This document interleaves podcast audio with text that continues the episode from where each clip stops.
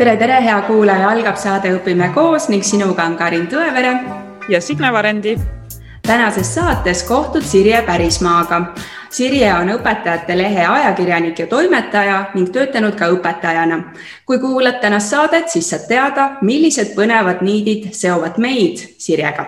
mõnusat kuulamist ja hea kuulaja, kui sulle meeldib meie saade, siis äh, pane kindlasti like ja jaga seda oma sotsiaalmeedias äh, tag'iga Õpime koos ning äh, kui sul on võimalus, siis toeta meie tegevust ka Patreonis, patreon.com kaldkriips õpime koos. aitäh sulle.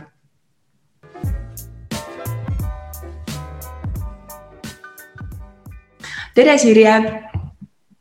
tere, Karin.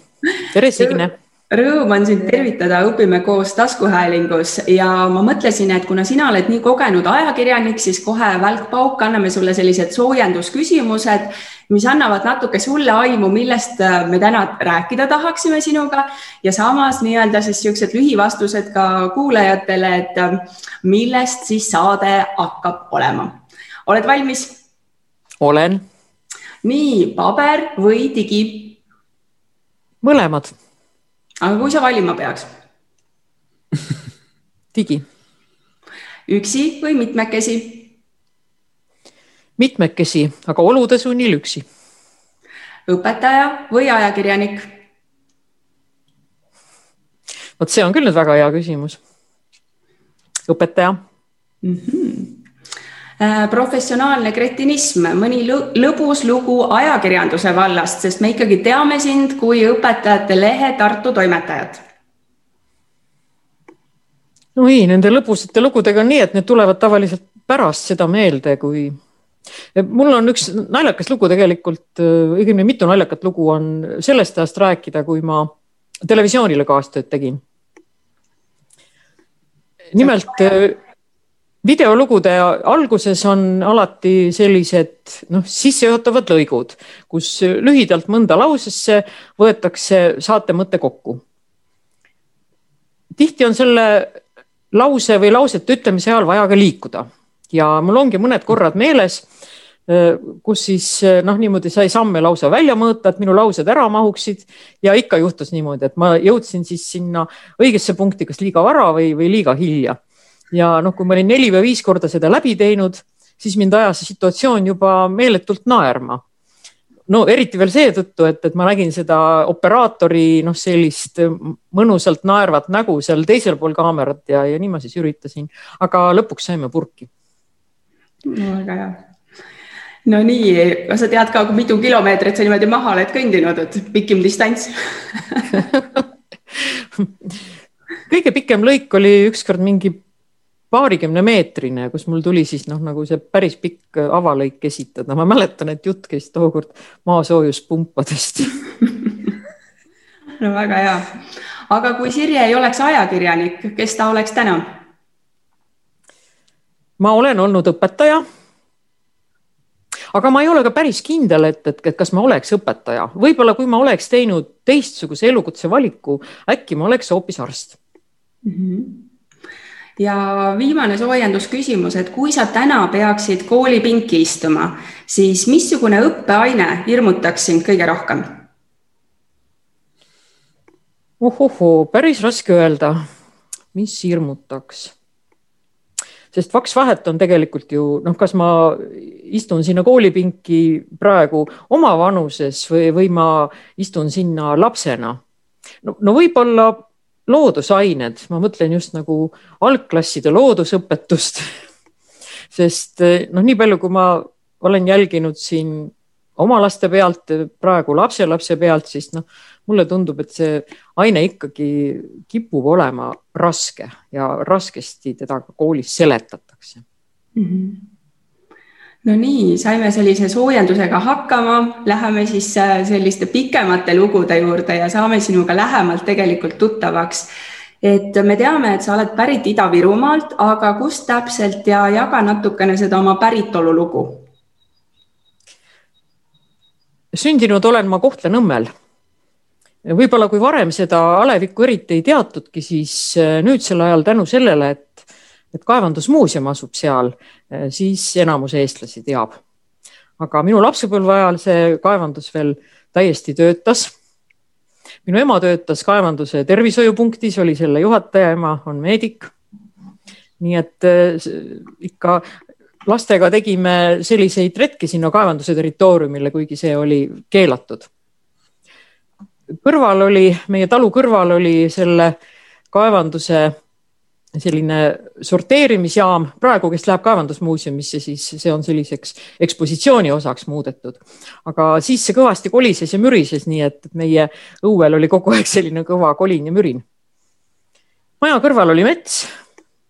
kuna ma olin üksik laps, siis ma olin hästi palju, olin üksi oma päevadest. kas käisin siis vanemaga laudas kaasas, istusin lauda uksepaku peal, vaatasin, kuidas ta lehma lüpsis, aitasin tal talitusi teha. õues tuli aiatöid teha ja mulle meeldis ka üksipäini metsas käia. ja ma sugugi ei, ei kartnud üksipäini metsas kõndida, sest minu arust metsa ei ole põhjust karta. aga siis, kui ma jõudsin kooliikka, siis me kolisime Kohtla-Järvele.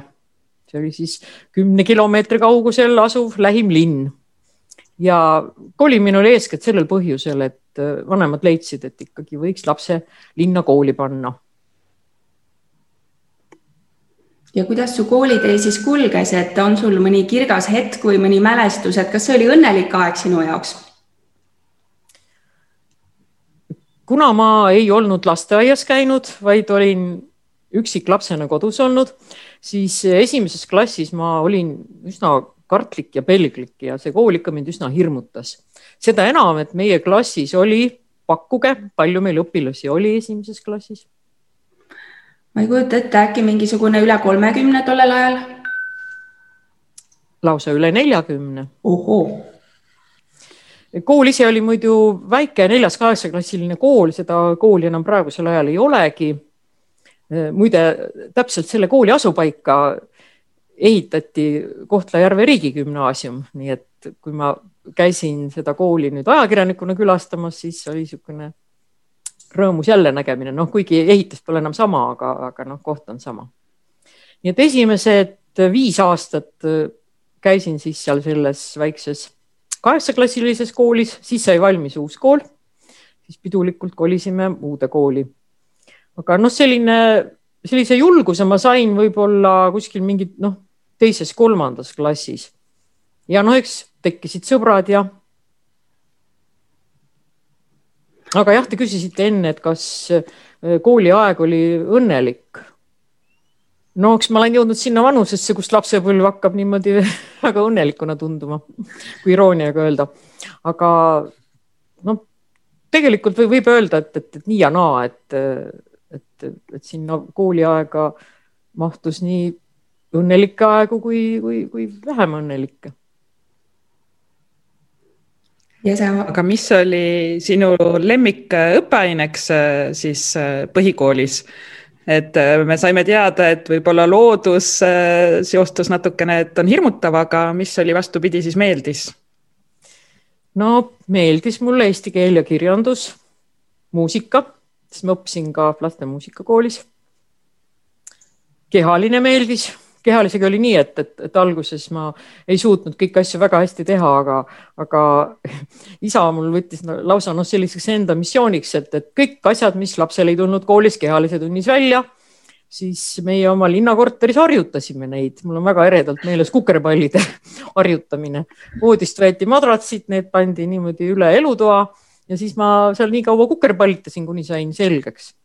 ja mhm. siis seal minu lapsepõlve koju, koju Kohtla-Nõmmele, sinna tehti mulle kaugushüppe ja kõrgushüppekast ja, ja nii need, noh, ütleme, et ma edenesin väga kiiresti spordis ja, ja eriti suusatamises, sest no äh, kuna seal ümbruses on suurepärased äh, suusarajad karjääris, siis suusatanud olin ma juba noh, eel, eelkoolieast peale ja kuueaastasena sõitsin juba koos isaga kümmet kilomeetrit.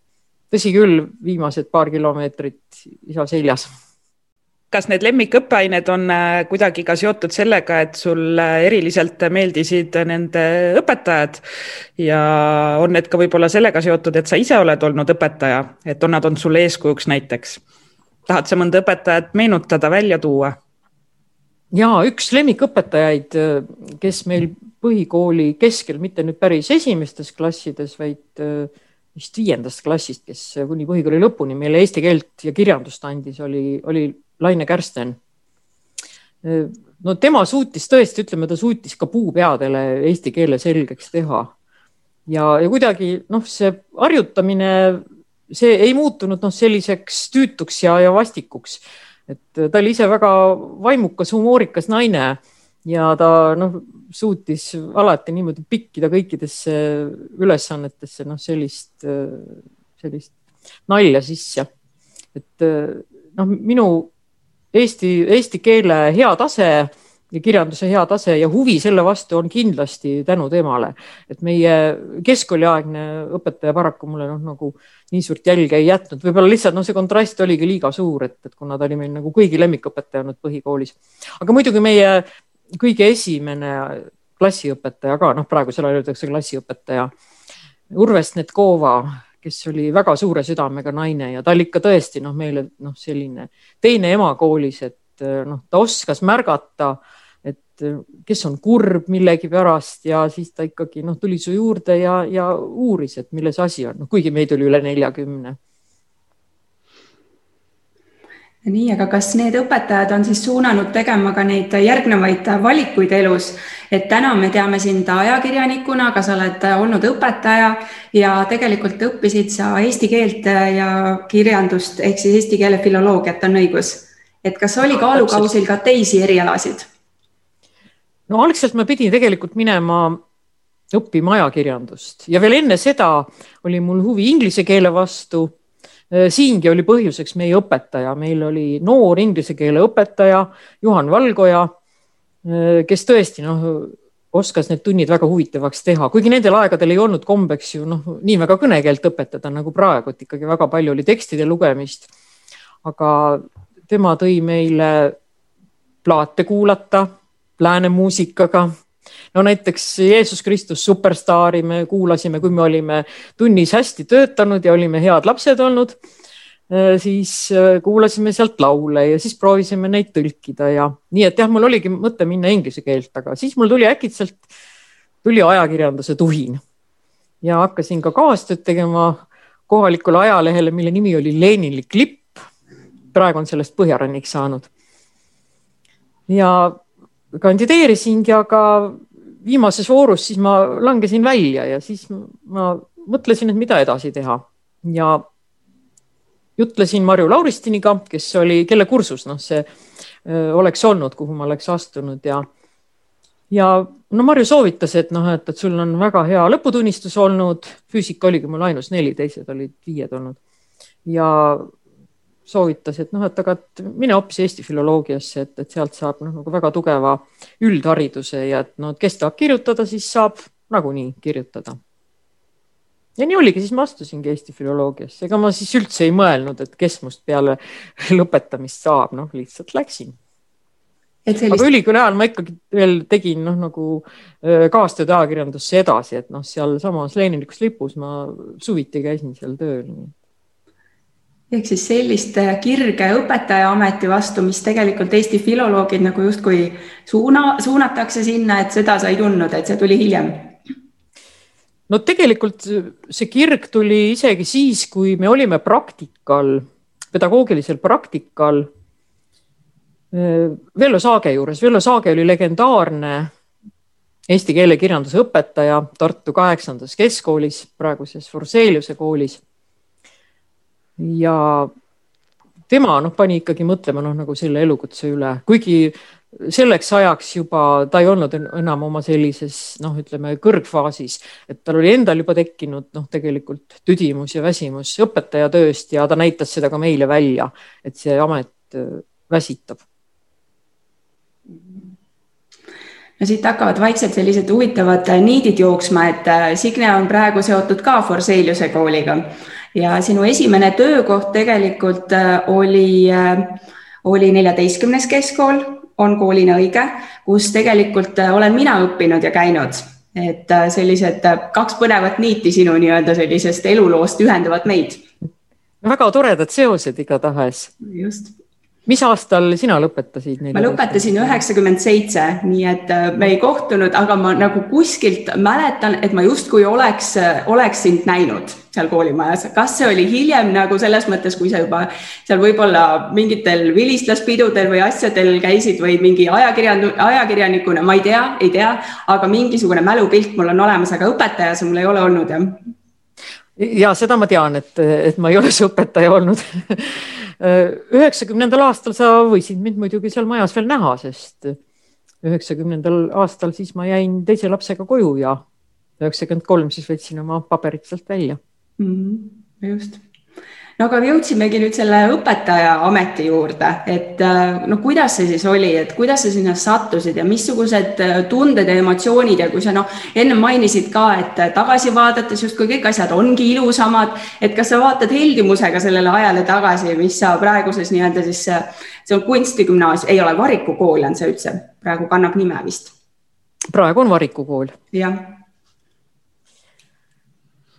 no mul oli tegelikult seal nii nagu enamusel noortel õpetajatel, et esimene aasta oli raske. Ja sellepärast, kui ma nüüd intervjuudes noorte õpetajate käest kuulen nende raskustest, siis mul tulevad ikkagi silme ette oma esimese aasta raskused. aga mismoodi, kõigepealt üldse, mismoodi ma sattusin, nendel aegadel oli veel ju suunamine ja ülikooli lõpetades siis ma olingi tööle suunatud, ma algul olin küll Kohtla-Järvele, aga siis, siis oli ümbersuunamine siia Tartusse. Ja vaba koht sattuski olema just neljateistkümnendas keskkoolis ja ma sain sinna poolest septembrist tööle, nii et juba see start oli noh, natukene noh, niisugune no, nagu ei peaks olema, et noh, tegelikult oleks ju hea ikkagi, kui õpetaja saab juba poolest augustist minna, mitte siis, kui juba kõik koormused, klassid on ära jaotatud ja, ja sa noh, oled nagu vette visatud. Äh, taas olid suured klassid, nii nagu mul endalgi oli olnud. et ikkagi äh, kõige suuremas klassis, keda ma õpetasin, oli kolmkümmend üheksa õpilast, aga kolmkümmend viis, kolmkümmend kuus oli täitsa tavaline. ja üsna erineva tasemega olid need klassid, tegemist oli uue kooliga ja nendel aegadel oli kombeks, et, et äh, nagu uus kool linnas sündis, siis teised koolid kasutasid juhust ja püüdsid vabaneda oma sellistest äh, õpilastest, keda nii väga õpetada ei taheta. ja, ja kuidagi oli siis sattunud niimoodi, et nad ikkagi noh, nagu neid äh, selliseid probleemseid lapsi oli ühte konkreetsesse klassi rohkem sattunud kui paralleelidesse. nii et äh, mul oli kolm kuuendat ja kaks seitsmendat ja noh, näiteks kahest seitsmendast nüüd üks seitsmes oli selline, noh, kus oli lausa lust ja laulupidu tundi anda kus ei olnud noh, mingeid probleeme ja teise seitsmendasse oli ikka väga palju sattunud praeguses mõistes HEV-lapsi, aga siis meil ju HEV-lastest ei olnud veel kombeks rääkida. ainult noh, nagu raskemaid diagnoose seal, düsgraafia ja, ja noh, selliseid asju seal pandi välja, aga kes noh, lihtsalt olid hüperaktiivsed ja, ja muidu sellised noh, kes õpetaja elu kibedaks tegid, noh, sellest ei räägitud, sellest lihtsalt öeldi nii, et noh, et õpetaja peab hakkama saama nendega nii et esimesed kuud tegelikult ikka just nendes raskemates klassides meel oli päris mõru. et noh, tihti ikkagi ma, ma tundsin, et, et lihtsalt ma jäin distsipliini saavutamisega, ma jäin jänni et noh, seda noh, kummalisem see tunduski, eks ole, et kui paralleelklassides läks kõik nagu ludinal tunnikonspekti järgi, aga siis äh, nendes probleemsete õpilastega klassides pidin nuputama, et mis nüüd teha, et see oma aine ära anda aga nii imeline, kui see ka ei ole esimese aasta lõpuks muutus palju. et äh, ka need noh, probleemsed lapsed kuidagi nagu hakkasid taltuma. ja noh, tõsi küll, tegelikult ühest klassist ma lihtsalt vabanesin tänu sellele, sest kõige hullemast klassist, et kooli tuli järjekordne uus õpetaja tööle. ja kuna ma olin ikkagi noh, juhtkonnale kurtnud, et nad on suuri probleeme siis anti see järgmisele noorele õpetajale ponnistada. ja vot teisest aastast ma tundsin ennast küll juba väga sõiduvees. ja noh, siis sai hakata ka palju klassivälise tegevusega tegelema. ja noh, vahepeal ma jõudsin küll jah, oma esimese lapsega kodus olla, aga kui ma tagasi tulin, siis ma võtsin enda peale kooliraadio juhtimise mis mulle noh, tõesti endale, noh, kuivõrd ma ikkagi olin ise ajakirjandustööga kokku puutunud, siis see pakkus mulle väga-väga suurt huvi. ja noh, no võib öelda, et, et, et sealt on ka mõnigi tegija välja kasvanud, noh näiteks Janek Luts, kes äh, kunagi on Kuku raadios tuntav, praegu on ta Vikerraadios, vahepeal oli ta Eesti Ekspressi peatoimetaja. nii et äh, see, see kooliraadio oligi üks noh, nagu niisugune mõnus tugipunkt, aga noh, tegin päris palju ka teisi igasuguseid äh, klassikalise töö asju. et noh, tihti ma pidin ka äh, aktustel olema siis noh, praeguses mõistes moderaatori rollis, et äh, kes siis juhatab sisse seal ja, ja seal teeb neid vaherepliike ja selliseid asju. olid sa ka nii... klassijuhataja? Ja ikka olin ja, ja klassijuhatamise ma sain kohe, nagu ma läksin, et ma sain kuuenda klassi, noh, parajad rüblikud. aga siis, kui ma tulin nüüd teist satsi peale lapsehoolduspuhkust tagasi Äh, siis ma sain endale üheksanda klassi, see on siis praeguse aja mõistes kümnes klass. nimelt numeratsiooni muutus toimuski just siis ju, et kui kool muutus üheteistklassilisest kaheteistklassiliseks, nii et minu õpilastel neil jäigi üheteistkümnes klass jäi läbimata, sellepärast et, et nad nimetatigi ümber siis kaheteistkümnendaks. ja noh, nemad olid tõesti fantastilised noored seal oli vähe õpilasi, see oli nüüd jah, imekombel oli väike klass. et ainult kakskümmend kuus õpilast ja, ja noh, võib öelda küll, et ma tõesti, et ma jõudsingi tegelikult iga õpilaseni ja no kuna ma olin noor õpetaja, siis noh, nagu tekkisid meil väga head suhted ja, ja päris paljudega nendest me suhtlesime pikki aastaid. noh, nüüd on siin juba osad on nendest juba ise vanemad ja vanaisad ja päris huvitavad äh, lood ja sellised äh, nagu mõtted tekivad mulle, et kasvõi seesama suunamine, et äh, kui võrrelda nagu tänapäeva seda tööle asumist, et noor inimene teeb nagu justkui ise valiku ja kandideerib ja nagu selline hoopis teine teema kui see, mis oli nagu siis nõukogude ajal selline suunamine, et, et kui sa praegu mõtled, et kumb versioon sulle nagu rohkem meeldiks, et sa ise valid selle paiga või ongi hea ja kindel, et olen seal, lähen seda teed nüüd, kus ma jälgin neid noori õpetajaid ja nende lugusid, kes otsustavad peale esimest tööaastat ära minna koolist, sest nad kas ei ole noh, piisavalt tuge saanud või endas jõudu leidnud jätkamiseks, siis ma mõtlen küll, et see suunamise variant oli siiski päris hea. sest noh, ikkagi noh, olgem ausad, suur osa nendest õpetajatest esimesel aastal ei harju oma ametiga ära ja kui sa otsustadki visata siis püssi põõsasse noh, siis ongi jälle üks õpetaja kaduma läinud. sest noh, võib-olla minuga oleks täpselt sama juhtunud, kui ma ei oleks pidanud kolm aastat seal olema, aga just noh, teisel aastal ma leidsingi selle vungi endas ja, ja, ja, ja tohutu tahtmise, sest noh, tegelikult kui ma ka koolist ära läksin lõpuks, ega ma läksin lihtsalt selleks, et noh, nii-öelda uutele väljakutsetele liikuda, aga ma ei läinud koolist sugugi ära noh, selle mõttega, et ma ei saanud seal hakkama või, või mulle seal ei meeldinud tegelikult noh, need endised kolleegid ja endised õpilased, nad on kõik mul siiani südames. ja mul on alati hea meel, kui ma lähen praegu sinna kooli. nii et selles. kaua sa töötasid seal no,, kaua sa töötasid seal koolis ja millal sa lahkusid, mis aastal? kaheksakümmend kaks ma läksin, üheksakümmend kolm ma tulin ära, aga nagu siis öeldud, et, et siia sisse jääb mul ka kaks lapsehoolduspuhkust, nii et. Ja õpetasid eesti keelt ja kirjandust? ja ma õpetasin eesti keelt ja kirjandust no nii, aga nüüd, kui jälle natukene võrrelda, et siis tänapäeva kool, millega sa oled ju natukene ikkagi kursis äh, seoses oma tööga, et äh, ja nüüd äh, tolleaegsed meetodid, sul oli õpetada kolmkümmend viis pluss õpilast, tänapäeva õpetajatel on kümme, kümme õpilast vähemalt vähem, eks ju. et kuivõrd need õpetamisviisid siis erinesid, et oli siis nii suur erinevus, oli võimalik olla üldse õpetaja kolmekümne viiele õpilasele? No pidi olema, seda varianti tegelikult ei olnudki, noh, et, et, et, et sul ei olnud võimalik olla, et ükskõik kui hästi või halvasti see välja tuli. et noh, praegu, kui ma vaatan ja kuulan, et, et noh, et milliseid vahvaid meetodeid õpetajad kasutavad, noh näiteks rühmatööd, kuigi noh, rühm, rühmatöid me tegime siis ka, aga noh, mitte nii palju. Et noh, mööbel oli juba raskem ja, ja selleks, et seda rühmatööd teha, eks ole, sa pidid suutma neid raskeid pinke ja toole ju ümber tõsta. Et ja noh, ma ei teagi, kas see on nüüd õige öelda, et, et loengu vormi nendel aegadel rohkem kasutati. ta sõltus teemast, et ega sa ikkagi noh, ainult ei saanud ka loengut pidada, kuigi jah, gümnaasiumis ikkagi noh, teatud teemadele läbimiseks oli see võib-olla noh, selline loenguvorm parem, aga noh, ega sinna ikkagi ju see loengud vaheldusid ikkagi ju noh, teadmiste kontrolliga ja õpilastele antud ülesannetega, mida on õpilased takkajärgi nüüd meenutanud, et et kuidas ma panin neid Hamletit lugema.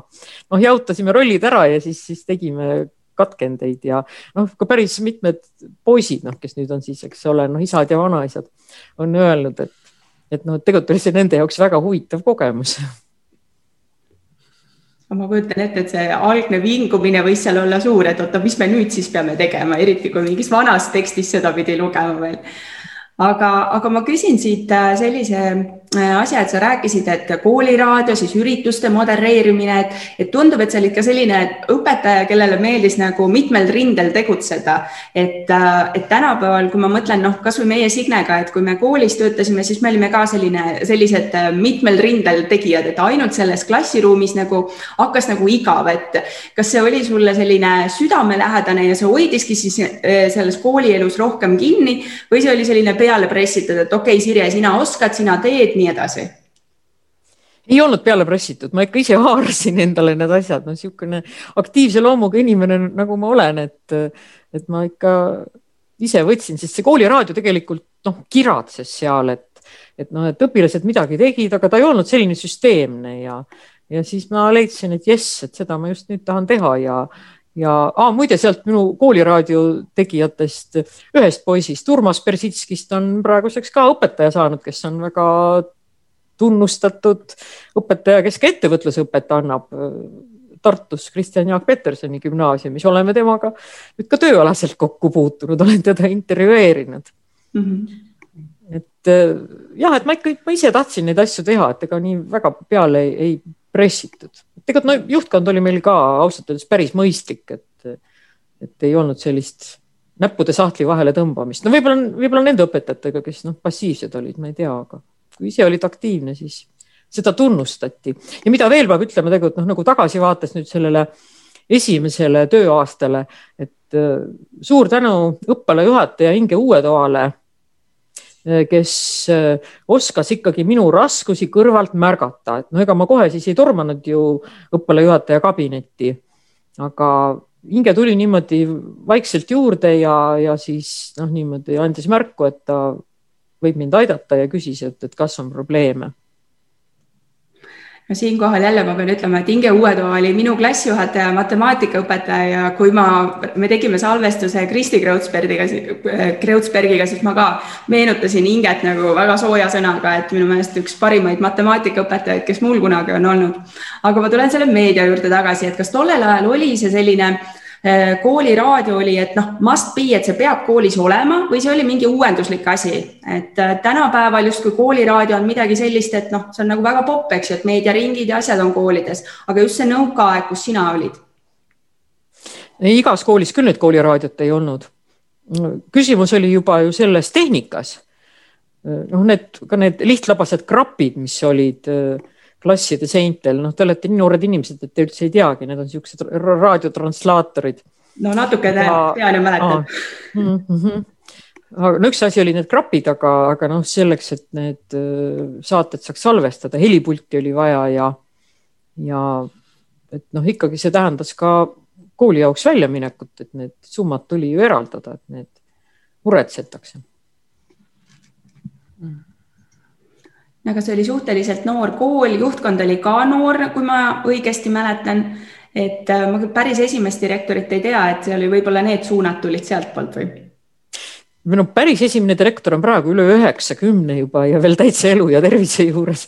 et Uudo Vello Lamp, kes on seal kokkutulekutel ka kohal olnud, võib-olla oled näinud teda seal esinemas, et, et no pigem võib-olla ikkagi sealt siis nüüd õppealajuhatajate ja klassivälise töö organisaatorite poole pealt tuli vot Ingrid Jurtšenko, praeguse nimega Ingrid Vaikmaa. tema oli väga aktiivne, siis tuli Kersti Aan. Kersti Aan on praegu väga tunnustatud muusikaõpetaja Tartu Tamme koolis. et noh, ma arvan, et tõenäoliselt võib-olla noh, selline see ametlik asjaajamise pool tuli sealt äh, tänu nendele mm, -hmm. et meil oli võimalik sellist asja teha aga sa ütlesid, et sa hakkasid süsteemselt seda meediaringi ja seda kooliraadiot nagu looma, et mis see süsteemsus siis tähendab, et kui tänapäeval võtta, et et koolidesse otsitakse ka meediaringide juhendajaid, et mis see süsteemsus on siis, mida, mida sa soovitad nagu tegutsema hakkamisel luua? no meil tähendas süsteemsus seda, et, et iga nädal hakkas meil saade olema konkreetsel ajal ja õpetajate toas tunniplaani juures oli siis ka noh, vastav sedel üles pandud. noh, muidugi osad kolleegid ignoreerisid seda ja nemad leidsid, et see on tunni segamine, et noh, kui tunnis nüüd kuus-seitse minutit kulutatakse raadiosaatele, et, et noh, et see, mis mina räägin, et see on palju tähtsam kui see raadiosaade ja nad lihtsalt noh, keerasid selle krapi kinni ja nendel klassidel jäi see kuulamata. no õpilastelt me saime tagasisidet, et nii tehakse ja siis me tegime sellise noh, temaatilise plaani poolaasta peale, vaatasime, noh, millised üritused, asjad, millised tähtpäevad on, et noh, nendega seostada seda, otsisime intervjueeritavaid. et noh, see tähendaski seda, et ikkagi, et oleks noh, mingid huvitavad teemad, et, et mitte noh, niisama lampi, et, et lihtsalt me suu soojaks millestki räägime mm. -hmm no päris, päris huvitav jälle, et ma, ma mäletan mingisuguseid õppekogunemisi, mis sealt äh, krabisevast äh, krapist nagu lasti, et tuli mingisugune äh, hoiak või selline rivitrill teha jälle või minna marlilappidega ümber koolimaja kõndida, aga saateid ma kahjuks ei mäleta enam, et mis mälestused kellelegi jäävad. aga äkki enam siis saateid ei olnudki, ega ma ei tea ma ei, vot muusikat ma mäletan, aga saateid ma jah ei mäleta, et sellised. ja, ja no vahetundides poisid lasid vahetundides lasid muusikat, sellega oli ka jälle nii, et, et noh, kui mõni korrapidajaõpetaja leidis, et seal jalutuskoridoris ikkagi nüüd ei tohi seda muusikat olla, siis ta keeras selle krapi lihtsalt kinni. mäletate, vanasti tuli ju jalutada koolis. ja, ja ringiratast aga liigume siis vaikselt edasi, et äh, ühel hetkel, nagu sa ütlesid, läksid uute väljakutsete poole ja otsustasid õpetajaameti maha panna. et kuhu sind siis tee viis? jah, need olid uued ajad, mis Eesti riiki saabusid ja, ja kõik proovisid midagi uut teha. no minu jaoks see uus oli natukene hästi ära unustatud vana. nimelt tehti mulle siis, kui ma olin nüüd teist korda lapsehoolduspuhkusel tehti pakkumine, et võiksid kodus olles hakata kirjutama, et mis sa seal niisama istud. selline ajaleht nagu Eestimaa oli. ta oli noh, midagi analoogilist nagu praegu on Maaleht. siis oli kaks konkureerivat maaelu väljaannet, kus olid siis sellised noored ja erksad inimesed tööl ja, ja noh, seda võrreldi isegi natukene noh, nagu Eesti Ekspressiga, et noh, et seal oli rohkem sellist action'it tegin paar, noh, proovilugu on vale öelda, sest noh, need lood tegelikult mõlemad ilmusid. üks oli intervjuu Johannes Kerdiga, kes oli juhtumisi minu enda tuttav.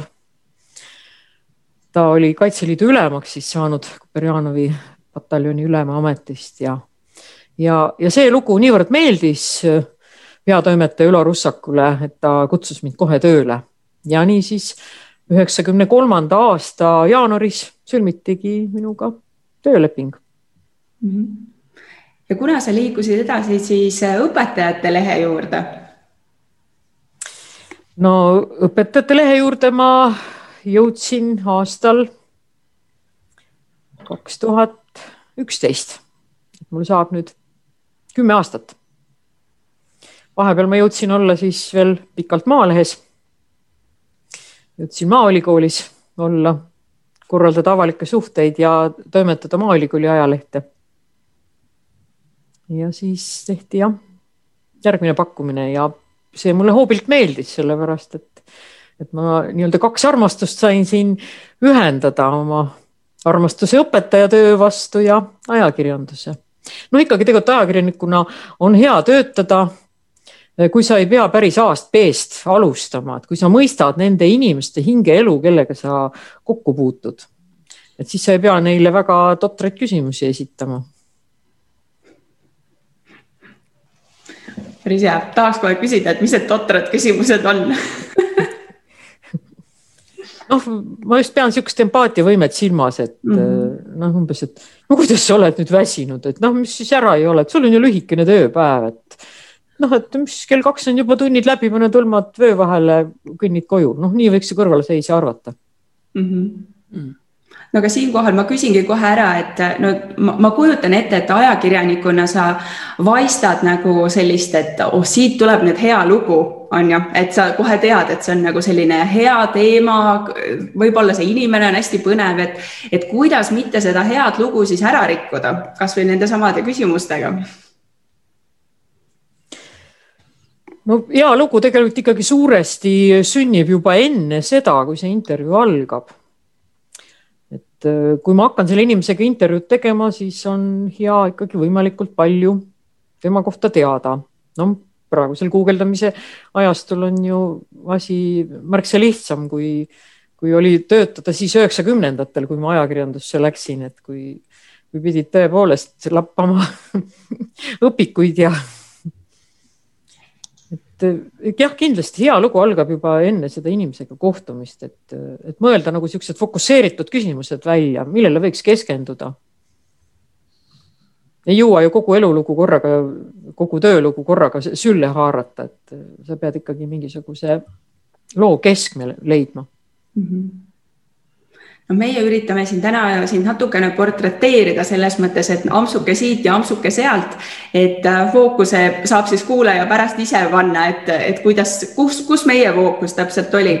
aga ajakirjanikuna, kas on mingisugused sellised äh, kuldsed reeglid ka, et millest sa alati kinni pead, et äh, kuna meie Signega siin natuke mängime praegu ajakirjanikku, siis sina oled ikkagi õppinud ja kogenud, et mis soovitused need oleks, et on mingid kuld, kuldsed reeglid olemas no esimene asi on kindlasti see, et, et sa pead suhtuma lugupidavalt ja austusega oma intervjueeritavasse ja tema töösse.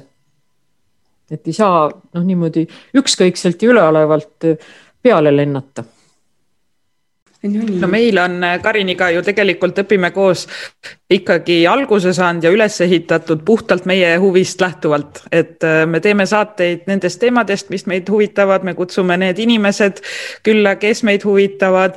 et kas ajakirjanikuna saad ka sa, saad ka sina valida neid teemasid või on ka vaja ikkagi siis kajastada neid, mida sa noh, kohe üldse ei taha või üldse ei tõmba ja ei huvita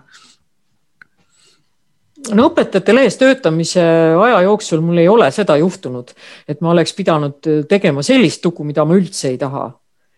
küll aga juhtus seda eelmises perioodis Maalehes töötades, et kui noh, siiski siuksi poliitilise maiguga ülesandeid anti, mis olid ühe teatud parteiga, mida enam ei ole seotud.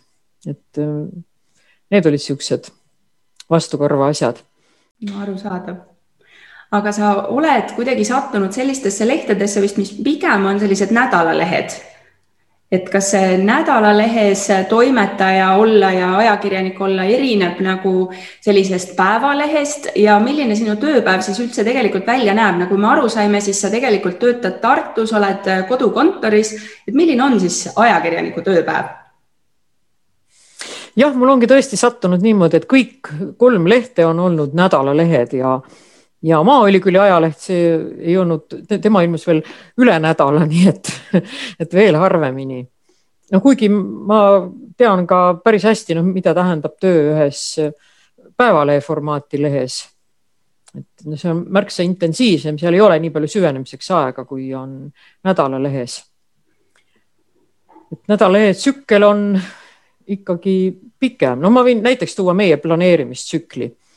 meil on kolmapäev on siis see päev, mis ajaks tuleb teada anda, kas siis äh, varasemal ajal koosolekutel Tallinnas või siis äh, praegusel ajal me lihtsalt noh, anname kirjalikult teada omad mõtted, selline tabel on, kuhu paneme kirja mis teemasid sa plaanid järgmise nädala lehes, see on siis pooleteist aasta pooleteist nädala pärast käsitleda.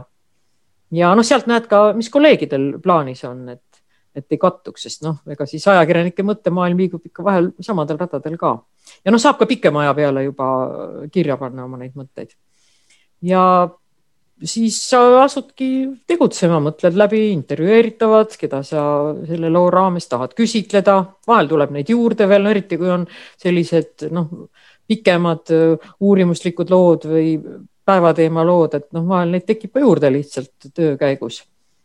lepid kokku vestlusringe.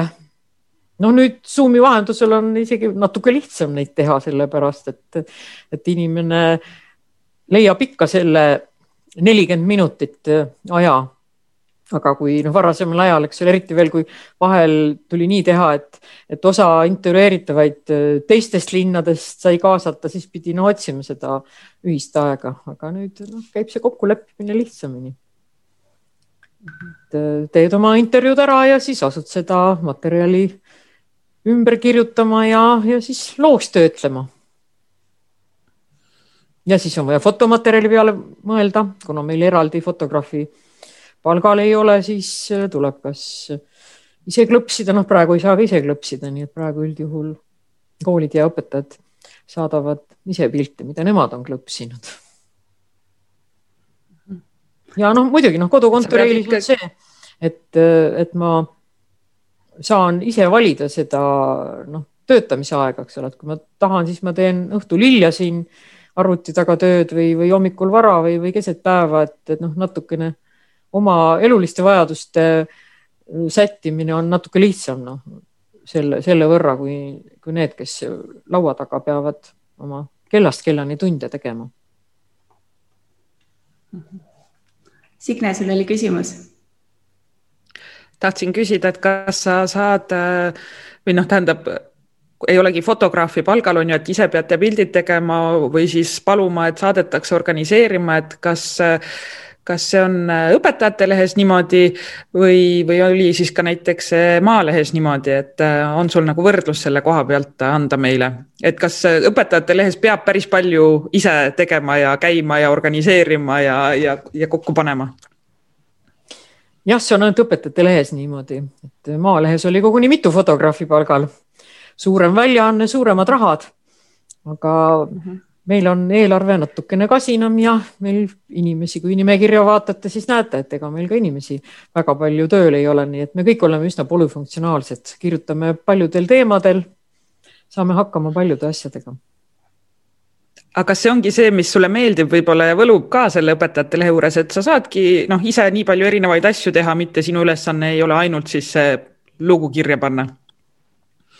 Et mulle tundub natuke, et see võib-olla on see selline võlu, et kui sa koolis töötades ka ju ikkagi tegid mitut asja, neid kooliväliseid tegevusi, meediaringi ja, ja, ja klassijuhatajana niikuinii kõik tuleb nii paljude asjadega tegeleda, et siis võib-olla see ongi see põnev selle juures. ja on kind, kindlasti on, kindlasti on et eh, noh, juba ka Maalehes töötamise ajal ma ikkagi otsisin jälle endale järgmisi väljundeid. tegin nii Vikerraadios kui Põlva Kagu raadios äh, tegin saateid, äh, hiljem ka Eesti Televisioonis Maahommikule.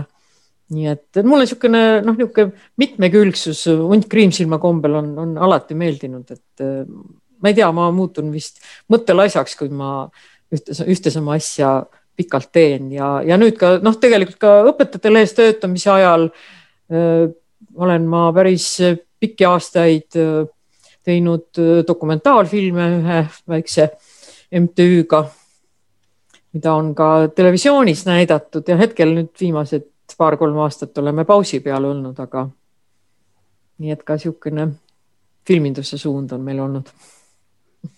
räägi natuke lähemalt, mulle väga meeldivad no. dokumentaalid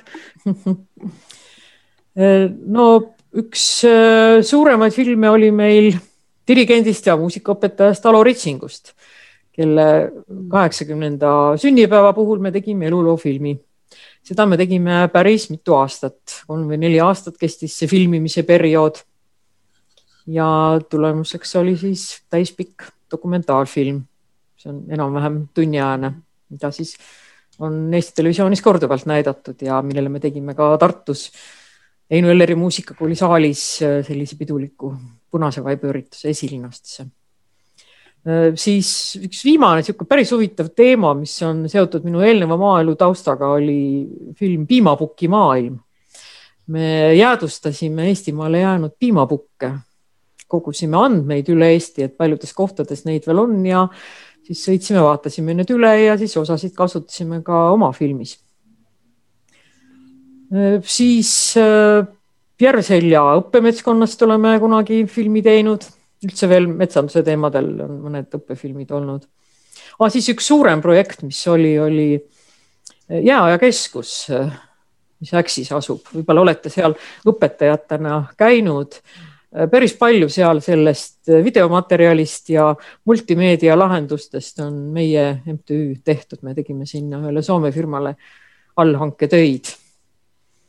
Näiteks Kalevipoja muistendid, ma ei ole nüüd käinud, ma ei tea, kas need praegu veel on seal üleval või ei ole, sest no nad on ka värskendanud seal kümme Kalevipoja muistendit üle Eesti. lasime kohalikel inimestel siis noh, nii-öelda linti rääkida, filmisime neid.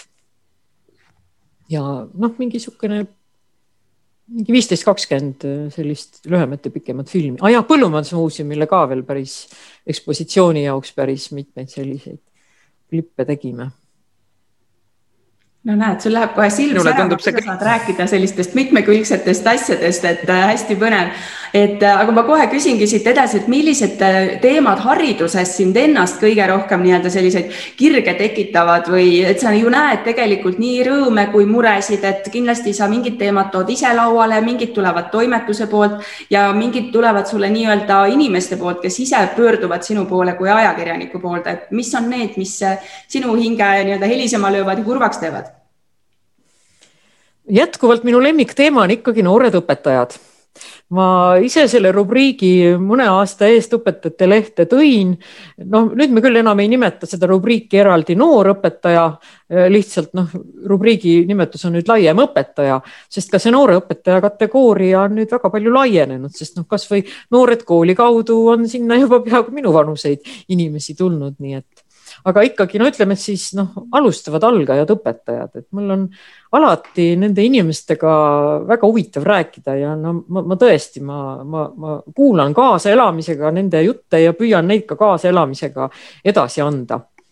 et ka nüüd selle nädala lehes on jälle lugu kahest või oli see eelmise nädala lehed mul lähevad juba sassi need lehed, mida ma, et, et, et mis, mis ma teen nimelt Tabasalu riigigümnaasiumi juhtideks on saanud korraga kaks noored koolivilistlast. Grete-Stiina Haaristo ja Jüri Käosaar. see on vist esmakordne selline juhtum, kus kaks, kaks nii-öelda juhti asuvad kooli juhtima, et selline päris põnev saab tulema see tulemus, et ma kujutan ette jah, ja Grete Stina ju oli ka kõige noorem minu meelest. Äh, nad, kui me, me ju tegime temaga ka saate jällegi, ega meid ka huvitavad sellised põnevad inimesed ja, ja ta ütles, et ta Indrek Lillemäega vist võistlesid seal, et väga väike vahe oli, et kumb siis ikkagi on Eesti kõige noorem koolijuht. minu meelest Grete vist võitis. tead, Grete Stiinaga juhtuski selline lugu, et äh, noh, mina tegingi temast siis, kui ta noh, oli alles seal koolijuhiks saanud ja käisin ka välja tema kui Eesti kõige noorema koolijuhi ja selle peale sain ma kirja ühelt teiselt noorelt koolijuhilt, kes kirjutas mulle, et vabandust, aga mina olen kaks või kolm kuud Gretest Hiinast noorem. ma ei suuda praegu, vabandust, ma ei suuda praegu tema nime öelda. võin seda pärast otsida ja siis ma ütlesin, okei okay,, aga siis me teeme sinuga ka loo ja tegimegi mm. -hmm kui see kõige. see, vot see kõige-kõige, see ongi üks selline noh, nagu hoiatus ajakirjanikuna, et see kõige-kõigede väljakäimine, et see on alati noh, väikse ohuga seotud, sest äh, alati võib olla keegi, kes on veel noorem, vanem, parem, ilusam et jah, noored õpetajad on mul üks selline meelisteema, aga nüüd on mul ka olnud viimase aasta jooksul on olnud teine selline meelisteema mille ma olen käsile võtnud, on meie koolijuhtide probleemide teema.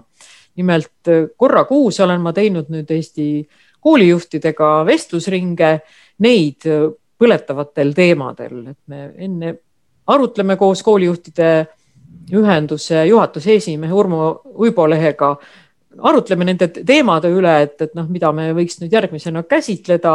koos valime ka siis neid allikaid, noh, selleks, et seda ringi natuke laiendada, et ei noh, ma võib-olla kui vaatad ise no oma pilguga, siis oleks see väga kitsas, aga, aga Urmo tunneb ju laiemalt neid inimesi ja noh, ma arvan, et ka noh, laiem Eesti saab ka niimoodi neid rohkem tundma, kui me niimoodi laiemas ringis niimoodi neid tutvustame ja praegu just ongi, mis mul vajab nüüd niimoodi valmis kirjutamist, on lugu õppejuhtidega, et kui siiani oleme rääkinud direktoritega, siis nüüd järgmisena, see ilmub mai esimeses lehes, tuleb vestlusring õppejuhtidega, kes räägivad sellest, kuidas nende töö on muutunud aastate jooksul, sest vestlusringis on nii staažikas õppejuht kui ka noori algajaid aga need on siis kirjalikud lood, et äh, need ei ole kuidagi raadioformaadis, et äh, siin sa ei plaani seda, et õpetajate lehel oma selline podcast'i teema, natukene arengut juurde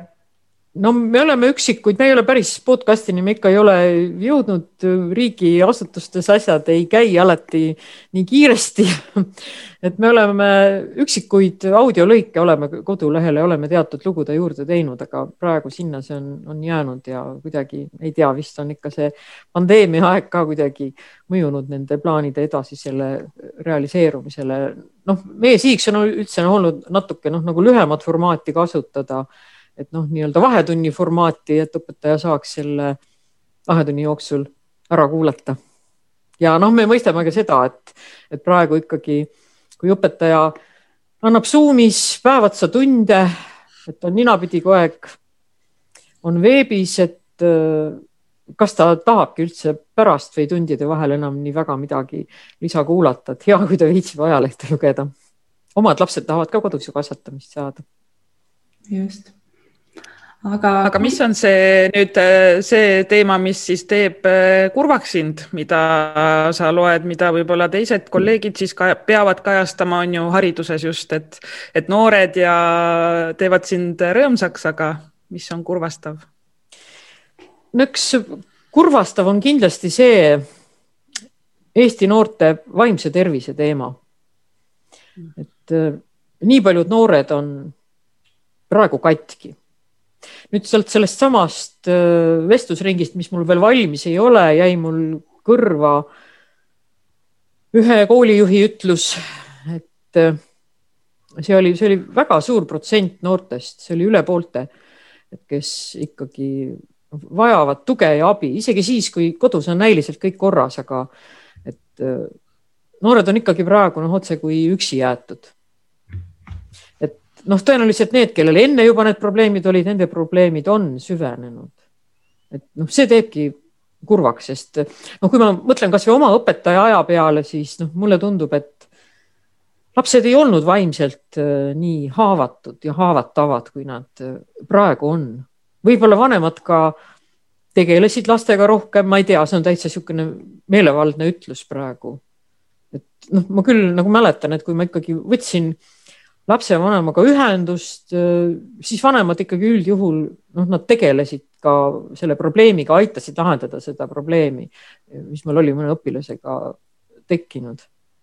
ja noh, üldse ma arvan, et võib-olla kodud, kodudel oli rohkem aega laste jaoks, aga võib-olla ma eksin, teie õpetajatena võib-olla lükkate selle ümber ma ise arvan, et see aeg oli teine, et kui kasvõi võtta seesama see suunamise stress ja nii edasi, et kui tänapäeval pead sa kõigi ja kõigega võistlema, siis äh, tol ajal oli kuidagi su rada nagu ette teada ja kui sa nii-öelda ühiskonnale vastu töötasid, kasvõi õpetajaga koostööd ei teinud, siis oli tegelikult su enda töökoht ju ohus, et selles mõttes olid need paralleelid nagu kuidagi, aeg oli lihtsalt teine, et praegu on, mulle tundub, et see pidev parem olemine, pidevalt hästi kiiresti kõige tegemine, et see on nagu vist, vist see, mis mõjutab. et ei jõua kõiges kõige parem olla, äkki. jah, sul võib olla õigus. ja pluss veel see ka, et ikkagi noh, ma arvan, et ka paljud lapsevanemad, eks me kõik, noh, me vanemad vanaisad ka, me veedame ikkagi päris palju aega ka sotsiaalmeedias, nii et olgem ausad no,. võib-olla võiks selle aja hoopis lastele ja lapselastele kulutada. kindlasti. ma näiteks ka noh, tihti ma, ma, ma tajun, et noh, kui ma õpilastega kuskil juttu ajan, et noh, tegelikult nad, nad väga siiralt, nad, nad tahavadki minuga ka noh, eluliste probleemide üle arutleda ja et, et neile nagu pakubki huvi, mida mina ilmaasjadest arvan hmm.. just aga kui palju sa kõnet või saad nii-öelda lahata neid äh, oma kodukandi probleeme ja muresid, sest tegelikult äh, Ida-Virumaa teemasid me oleme siin väga näpuotsaga puudutanud, et, et seal on ju selline kakskeelne kogukond ja et kas sa saad seal ka nii-öelda kuidagi kogukonna, kogukonda aidata või neid teemasid lauale tuua? mul ongi natukene unarusse nüüd jäänud need Ida-Virumaa teemad, et ma enne, enne püüdsin neid aeg-ajalt rohkem kajastada. no nii palju oli, et tead, ma uues riigigümnaasiumis Hendrik Aguri juures jõudsin ära käia eelmisel aastal ja ma olin väga suures vaimustuses, nähes, mida seal koolis tehakse, mismoodi venekeelsed õpilased on kaasatud, mismoodi nad lühikese ajaga on hakanud eesti keelt rääkima no mulle anti vabad käed majas liikumiseks, mulle ei lükatud õpilasi ette, nii et ma läksin ja kõnetasingi noh, täitsa suvalisi õpilasi. ja noh, tõesti, nad kõik olid väga õhinas, nad tahtsid minuga eesti keeles rääkida ja oma arvamust asjade üle avaldada. et noh, see on jah üks pool, see, see riigigümnaasium, mis seal nüüd kohalikus kogukonnas on kõvasti noh, sellist asiotaaži tekitanud ja noh, pannud ka need vene põhikoolid pingutama et noh, see nüüd kõige rohkem tegelikult ju häiribki, et nad ei saa enam vanaviisi liugu lasta. aga samas noh, jah, muidugi selle, selle teema teine pool on, on Eesti koolide olukord, seesama minu enda endine kool, Kohtla-Järve endine esimene keskkool praeguse nimega Kohtla-Järve Järve kool, mis on olnud kogu aeg Eesti viiekümne parima kooli seas ta oli juba nendel aegadel, kui mina seal õppisin, oli väga tugev kool, et meie koolist alati ikka üle kaheksakümne protsendi sai kõrgkoolidesse sisse, aga noh, tuletage meelde, et sellel ajal ju ei olnud nii, et ma annan viide kõrgkooli oma dokumendid, et, et, et siis oligi ju nii, et andsid ühte kohta ja said sinna sisse. et no ühesõnaga see kool on juba nüüd pikki aastaid on pidanud õpetama olukorras, kus üle poolte õpilastest on vene peredest vene pered väärtustavad seda, et nende laps saaks eestikeelse hariduse ja nad sellepärast tahavad kõik sinna linna ainsasse eestikeelsesse kooli, põhikooli oma last panna.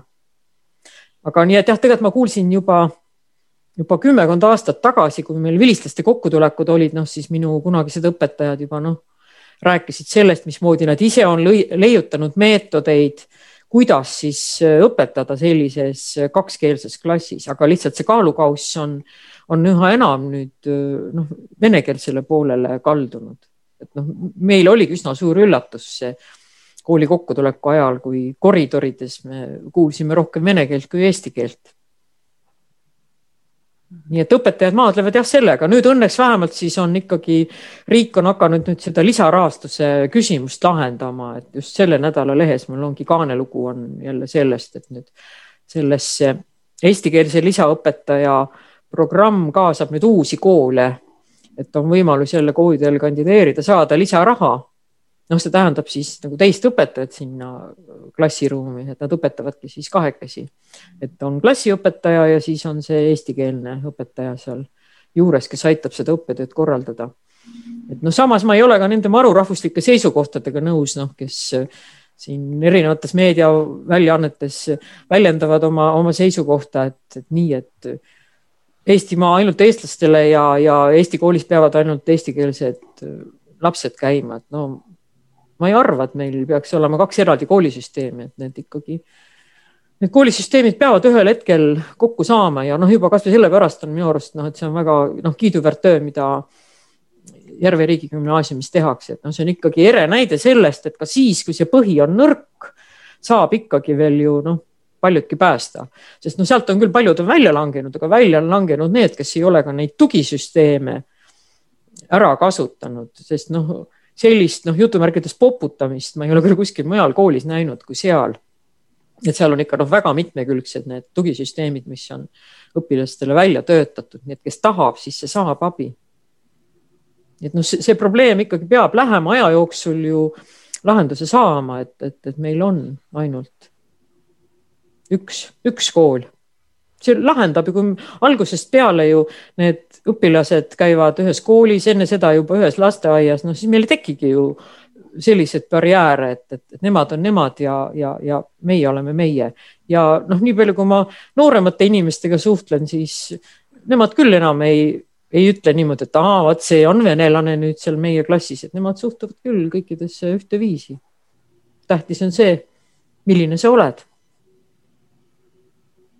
nii et sa näed, et, et see asi on muutumas ja asjad lähevad nagu õigesse, õigel rajal ja kursil liiguvad praegu. Ja ma usun küll. Ja kindlasti muidugi riigi rahaline tuli, tugi on selleks vajalik, et need asjad, asjad saaksid liikuda, ilma selleta lihtsalt ei tule toime. noh, see on selleks, et just noh, nagu nendes sellistes koolides, kus on siis nüüd üle viiekümne protsendi juba vene keel, muukeelset, no ei saa ka venekeelseid öelda, sest äh, muukeelne on praegu ju noh, väga lai mõiste juba, meil õpib ju väga paljude erinevate rahvuste lapsi. et äh, noh, lihtsalt, et et selleks, et neid eestikeelseid lapsi nendes koolides aidata. no minu arust ka väga hea näide on Lilleküla gümnaasium, kus ma olen käinud äh, lugu tegemas ajakirjanikuna, kus on ju no tõeline rahvaste paabel. ei mäletagi, kas seal üle paarikümne erineva rahvuse või.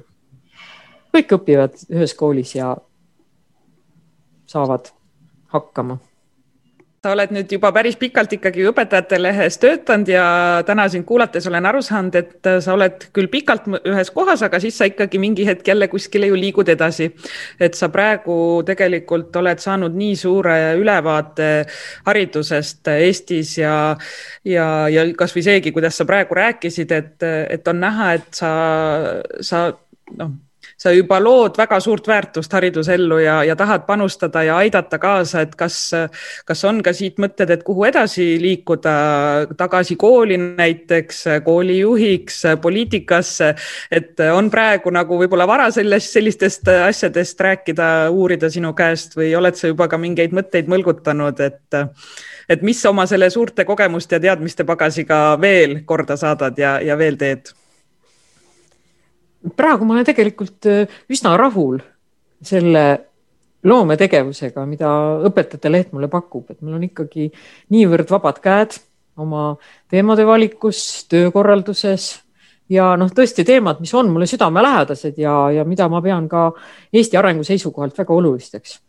poliitikasse ma ei lähe kohe päris kindlasti, et äh, see, see teema mind absoluutselt ei, ei peibuta koolijuhiks saamiseks on natukene hilja, sellisel juhul ma oleks äh, pidanud ikkagi võib-olla juba kümmekond aastat tagasi uuesti kooli minema, kusjuures noh, mulle ka tehti ettepanekuid äh, kümmekond aastat tagasi, kutsutigi just nimelt noh, nagu meediaõpetajana paari kooli, et äkki tuled, hakkad meediaaineid andma, aga, aga noh, tõesti, ma lihtsalt leian, et, et see vahe, mis mul nüüd on olnud koolist äraolekuga, et, et see on liiga suur, kõik on väga palju muutunud ja, ja kõike tuleks hakata ikkagi väga ümber õppima, et, et see on ju täiesti uutmoodi kool, mis, mis, mis praegu on. nii et ma ikkagi plaanin ajakirjandusega jätkata mis on siis äh, see võlu, võluvõti, kuidas äh, lugu pääseb õpetajate lehte, et kas äh, nii-öelda sooviavaldusi on rohkem, kui te jõuate vastu võtta või pigem ikkagi peate utsitama, et õpetajad, kirjutage kaastöid siis? see kipub periooditi erinev olema, et, et on noh, kevade poole enamasti siis nagu inimesed kuskilt paisu tagant noh, niimoodi läheb lahti, noh sellel aastal nii väga ei ole, sest ma arvan, et tõesti, et see et see kaugõpetaja, kaugõpe on õpetajad niivõrd ära väsitanud, et nad väga ei jõua.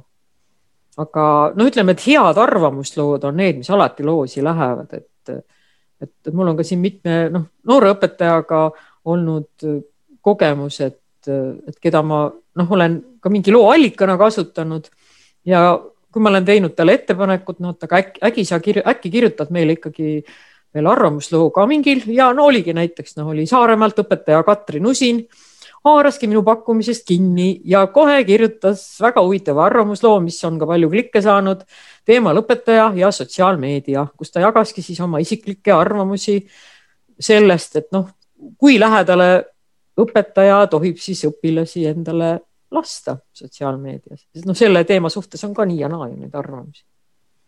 nii et vot sellised, sellised lood on alati oodatud või siis no näiteks Signe, sina võiksid kirjutada näiteks sellest, et kui sa nüüd peale lapsehoolduspuhkust tagasi lähed, et kuidas on siis see tagasiminek, et kas see on nii nagu esimene tulemine või see on midagi teistmoodi?